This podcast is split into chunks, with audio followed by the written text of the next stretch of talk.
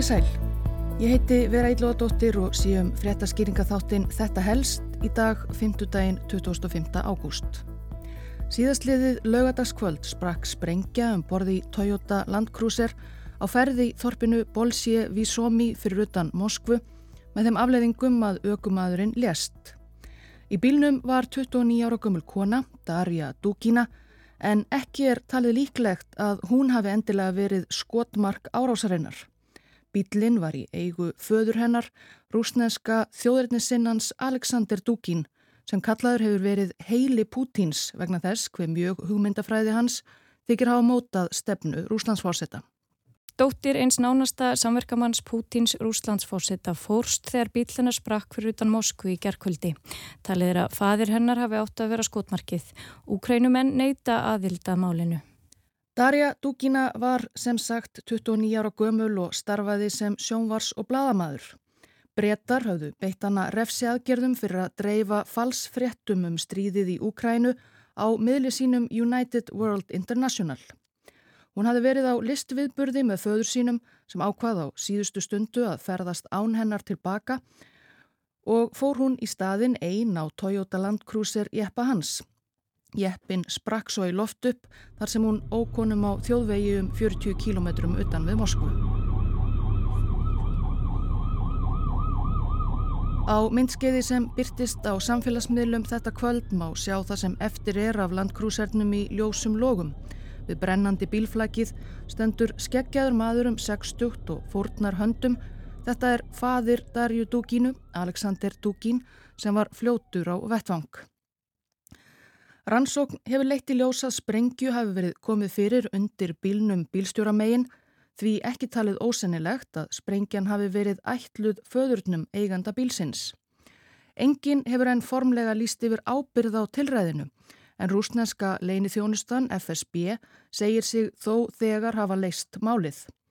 Í tilkynningu frá FSB sagði að morðið hafi verið skipulagt og framið af liðsmanni ukrainsku leini þjónustunar. Föllist var þar að hinn Sega sé ukrainsk kona Natalia nokkur Vofk fætt 1979.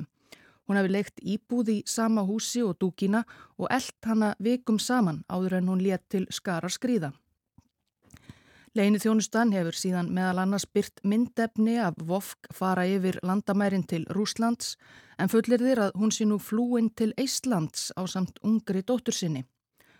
Úkrænsk yfirvöld hafa þó hafnað alfarið að hafa eitthvað með málið að gera og segja söguna um Natalju Vofk uppspuna og úkrænska ríkið stundi ekki hriðjuverk. Netverjar voru svo ekki lengi að benda á að greinilega leit út fyrir að átt hefði verið í tölvu við ímsar myndir sem FSB byrti til sönnunar um sekt Natalju Vofk þar á meðal skilríki mert ukrænsku leinithjónustunni. Engverjir hafa svo síðan velt upp þeirri kenningu á þess að nokkrar beinar sannanir hafi fundist fyrir því að það sé í raun FSB leinithjónustan rúsneska sem beri ábyrð á morðinu. En Vladimir Putin, Rúslands fórseti, harmaði morðið og dásamaði Darju Dugin mjög í yfirlýsingu skömmu eftir árásina. Hann saði hann að hafa verið einstaklega vel gefin rúsnenskan þjóðurnissinna sem hafi verið rúsnensku þjóðinni til sóma. En Putin og fadir hennar þykja einmitt talsvert nánir. Well, everything is relative and we need we in russia we could use postmodernity in order to explain to the west that if any truth is re re uh, relative so we have our special russian truth that you need to accept as something that maybe is not your truth even if it's not true Alexander Dugin ræðir hér postmodernisma og eðli sannleikans í viðtali við Newsnight fréttaþátt Breska Ríkisútarsins árið 2015. Rússar hafa sinn sérstaka rúsneska sannleika, segir hann, sem vesturlandabúar verði að bera virðingu fyrir. Jáfnveld þó hann kunni að stangast á við það sem þeir vesturlandabúar áliti sannleikan. Alexander Dugin fættist 1962 í velstæða fjölskyldu Fadir hans var hátsettur fóringi í GRU, leini þjónustu sovjerska hersins og mun hann hafa rettað sinni sínum þegar hann komst í kast við laugin sem hann gerði oftar en einu sinni sem ungur maður fyrir ímsar sakir. Dúkin var ekki sérlega góður námsmaður, hann flosnaði upp úr háskóla og vann síðan Ími Störf meðal annars sem götusópari um hríð. Hann var frá unga aldri áhuga samur um nazisma og yfirlýstur aðdáandi Adolfs Hitler sem og áhuga samur um Ímis dullræn málefni, heiðni og satanisma. Á síðustu árum Sovjetiríkjana tók Dúkin þátt í ansbyrnu gegn sovjeskum stjórnvöldum og skrifaði pistla fyrir öfka hægri sinnað dagblað DN. Í pislaröð sem hann byrti á árunum 1991 til 2 undir yfirskriftinni Hið mikla heimsálfustríð setti hann fram hugmyndir sínar um Rúsland sem evrasíst stórveldi og mótvægi við Vesturlönd.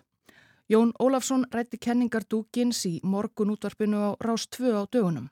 Dúkin er pólitískur jáðarmadur.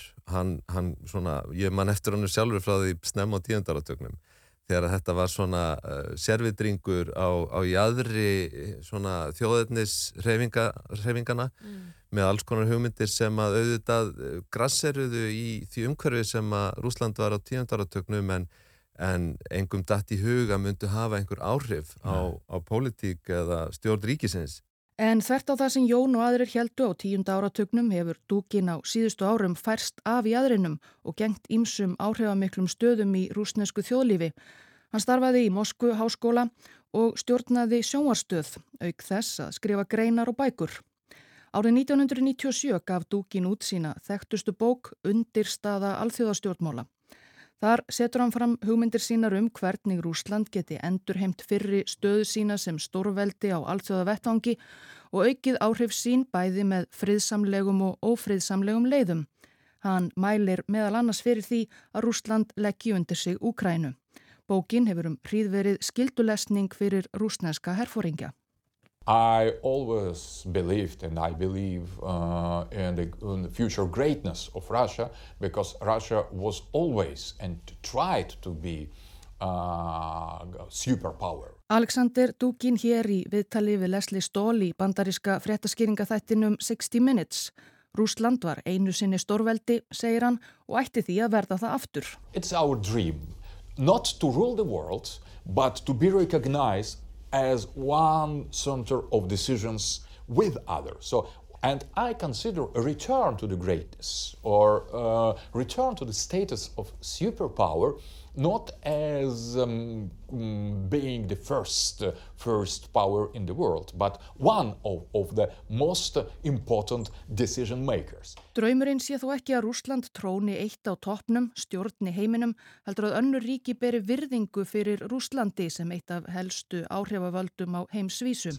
And in order to do that, I think that military power and weapon, including nuclear weapon and the other kind of weapon, is not enough.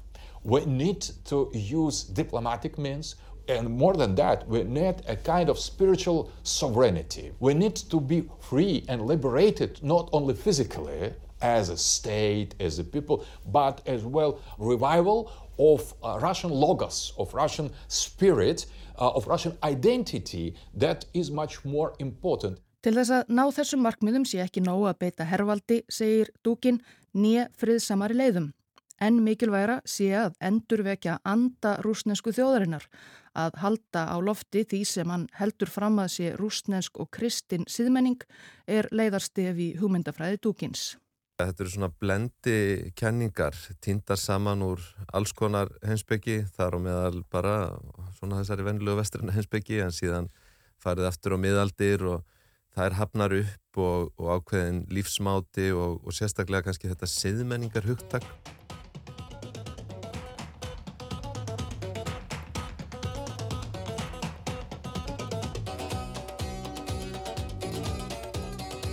Pútín, Rúslandsforsetti, hefur á síðustu árum þótt vera undir áhrifum frá hugmyndum og skrifum Dúkins, svo mjög að Dúkin hefur fengið viðunefnið Heili Pútíns, Pútín Kvíslarinn og Rasputín Pútíns, vísun í henn dularfulla heilara sem hafði svo mikil áhrif á Nikolás annan rúsakeisar á fjölskyldu hans á bakvið tjöldin. Sögulegar tilvísanir í ræðum Pútins að undanförnu þar sem hann fer mikinn um forna fræð Rúslands þykir mörgum bera keim af skrifum Dúkins. Rúsnesk stjórnvöld fara þó ekki eftir hugmyndum dúkins í einu og öllu og stjórnmála skýrendur eru ósamála um hver mikil áhrif dúkin hafi á Pútín og ákvarðanatöku hans í raun og veru. Dúkin sjálfur hefur sjálfnast svarað spurningum um áhrif sín á Pútín með beinum og óeikjandi hætti en notið góðs af því að vera talin hafa eira hans. Í viðtali við Al Jazeera segir rúsneski bladamæðurinn Dimitri Babic að áhrif dúkins á Pútín séu ofmetinn. Sannarlega ekki nægileg til að hann verðskuldi þennan titil heili Pútíns. Samuel Ramani, sérfræðingur við bresku hugveituna Royal United Service Institute for Defence and Security Studies, tekur undir þetta. Dúkin sé í raun og veru ekki sérlega nátengtur Pútín og hans einsta ring. Þetta megi sjá á því að dúkin sé yðurlega mun herskári en forsetin. Hann hafi til að mynda hvað til þess að rússar stiftu stjórnvöldum í Georgiu í stríði landana 2008, nokkuð sem Putin gerði ekki. Þá hefur hann ítrekkað hvað til þess að tekin sér upp almenn herskilda í Rúslandi, nú þegar landið eigi í stríði, en hefur ekki fengið þær óskir sínar uppfylltar heldur. Engu að síður hafa hugmyndir hans náð talsverðum undirtektum í rúsnesku samfélagi það sem að gerist auðvitað þegar að stjórnvöld taka upp svona íhalsama hugmyndafræði, íhalsamar hugmyndir sem að byggja á einhverju uh, tilbúinni hefð og, og halda þið fram að, að þetta séð rétta mm. er að þar með er ítt undir slík viðþorf í samfélaginu og það þýðir bara að, að það er gefið leifi til þess að uh, ofsækja fólk sem er öðruvísi. Eins og hér hefur heyrst talar Dúking góða ennsku og hefur farið víða og borðið út bóðskapsinn. Hann á sér bandamenn meðal Ista Hærisins í bandaríkunum. Snemma árs 2017 kom hann þannig fram í sjónvarsþætti bandaríska samsæriskenningasmiðsins allræmda Alex Jones og lofaði þar nýjórðin bandaríkjaforsetta Donald Trump í hástert. Hann hefur einnig talað fyrir því að rússar skipti sér af bandarískum málefnum, nokkuð sem dóttir hans tók að sér með dreifingu falsfrétta. Hann hefur óg fundað með forsprökkum öfgahægri hreyfinga víða um Evrópu. 2015 var hann fyrst beittur refsiaðgerðum af bandarískum yfirvöldum fyrir tengsl sín við Pútín. Alexander Dúkin hefur ekki látið degan síga eftir andlát dóttur sinnar. Dóttir mín dó fyrir þjóð sína, sagði hann í útför hennar, fyrir Rúsland og fyrir Víglínuna.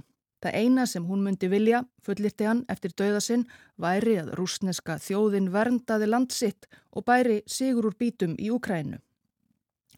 Fjöldasamkomum á þjóðháttíðardegi í Úkrænu í gær var flestum aflýst af óta við að rússar hegðu á hemdaraðgerðir vegna dauða dúkinu og samkomur eru þau auðvelt skotmark.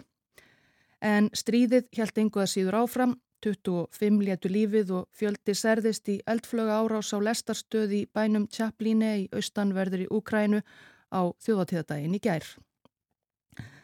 En þetta var helst af hugsuðunum umdelta Alexander Dúkín og morðinu á dóttur hans Darju Dúkínu síðastliðin lögardag allavega í byli. Eflaust mun síðar eitthvað meira koma fram um atbörðarás kvöldsins og ástæður árásrennar.